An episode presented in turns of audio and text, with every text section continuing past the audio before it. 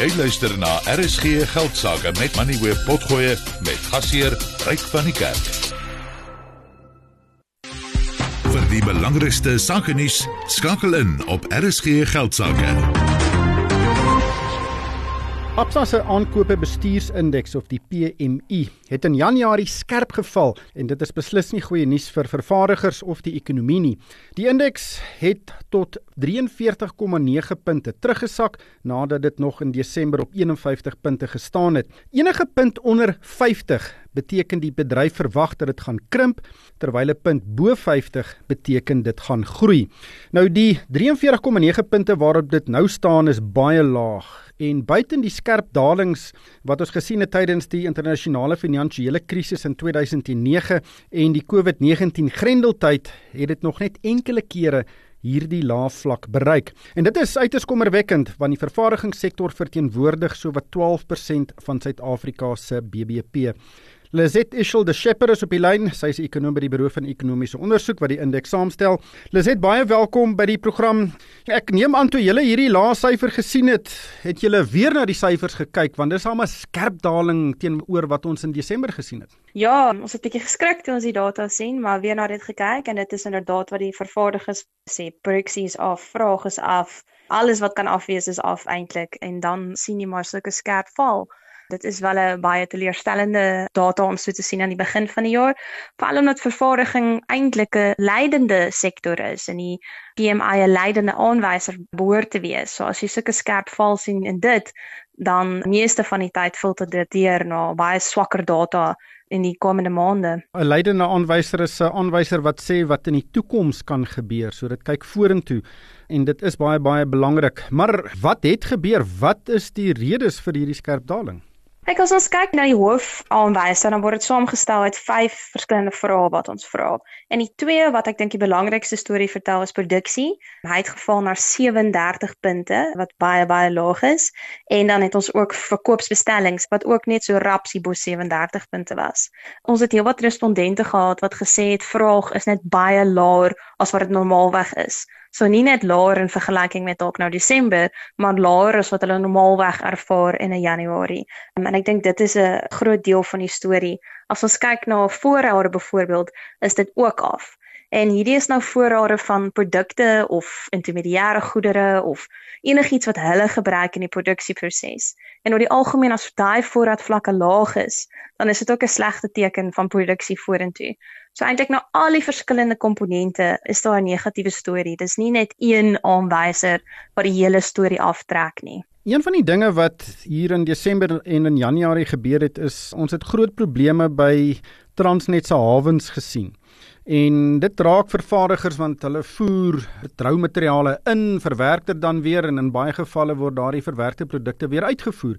Het die hawens 'n uh, beduidende impak gehad op hierdie indeks? Ons vermoed so ja, ons vermoed dit is 'n rede hoekom die voorraadvlakke ook so laag is byvoorbeeld. Maar as ons kyk na van die kommentaar, is daar van die ouens wat sê hulle het beplan om te produseer, maar toe was die tekstiel wat hulle nodig om hulle klere te maak byvoorbeeld nie daar nie. So toe kan hulle nie produseer soos wat hulle dit wou doen nie. Dit maak seer aan die uitvoerkant, maar ek dink op die oomblik is dit vir al die invoerkant. En ek dink ook van die myne sit nou met groot voorrade, voorrade wat hulle normaalweg sou uitvoer. So hulle produksie is nou nie so sterk as wat dit normaalweg sou wees. So vraag vir vervaardigde produkte van die mynbousektor is bietjie af. Dan weet ons die verbruiker is onder baie druk. Dis nou 'n storie wat mense seker nou al baie gehoor het, maar van al die kante word die sektor nou eintlik getref. Dit maak sin dat dit so swak lyk, maar dit was nog steeds 'n groot skok om te sien segmenteer julle die vervaardigers want binne die vervaardigingssektor is 'n baie baie subsektors. Ek dink hier aan die vervaardiging van klere, voedselverwerking, chemikalieë, staal en so voort. Is daar sekere van hierdie subbedrywe wat swakker of beter vaar as ander? In hierdie PMI tref ons nie onderskeid tussen verskillende vervaardigers nie. Ons probeer maar soveel as moontlik en soveel verskillende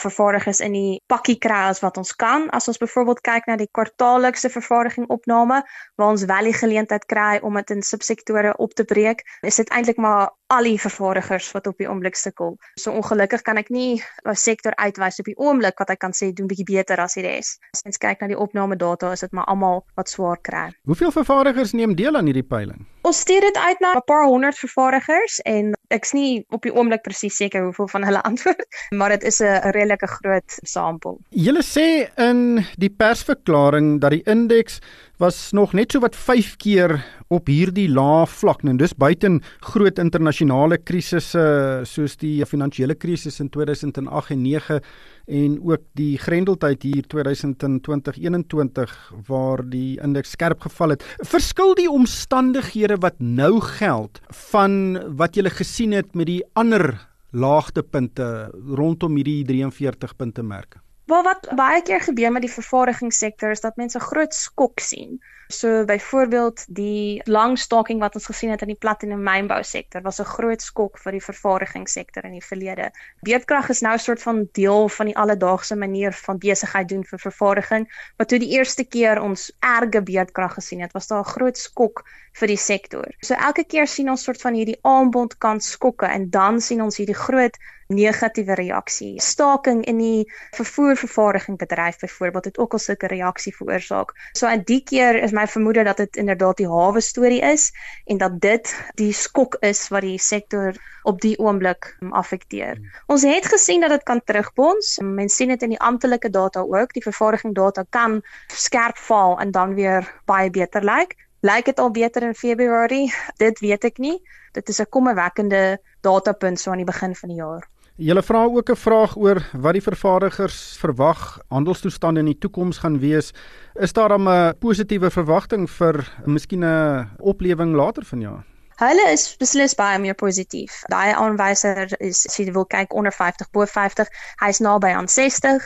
So oor die algemeen verwag hulle dat dinge heelwat beter gaan lyk in 6 maande. Nou ek moet wel noem dat ons vir hulle vra gaan dit beter lyk of slegter in vergelyking met huidige toestande. So as die prentjie op die oomblik so swak lyk, dan sal jy tog hoop en verwag dat dinge oor 6 maande bietjie beter lyk. Maar hopelik is iets soos hierdie ergste van die hawe probleme dan verby. Mag die verbruiker in Suid-Afrika se bietjie sterker wees. So is dit inderdaad merite om te sê dat oor 6 maande dinge bietjie beter lyk, veral vergelyking met die huidige swak toestande. Lizet, dankie vir jou tyd. Dit was Lizet Ishel de Shepherd, sy is 'n ekonom by die Buro van Ekonomiese Onderzoek. Jy het geluister na RSG Geldsaake met Money where potgoe elke weeksdag om 7 na middag. Vir meer Money where potgoe, besoek moneyweb.co.za of laai die toepassing af en volg Moneyweb News om dagliks op hoogte te bly.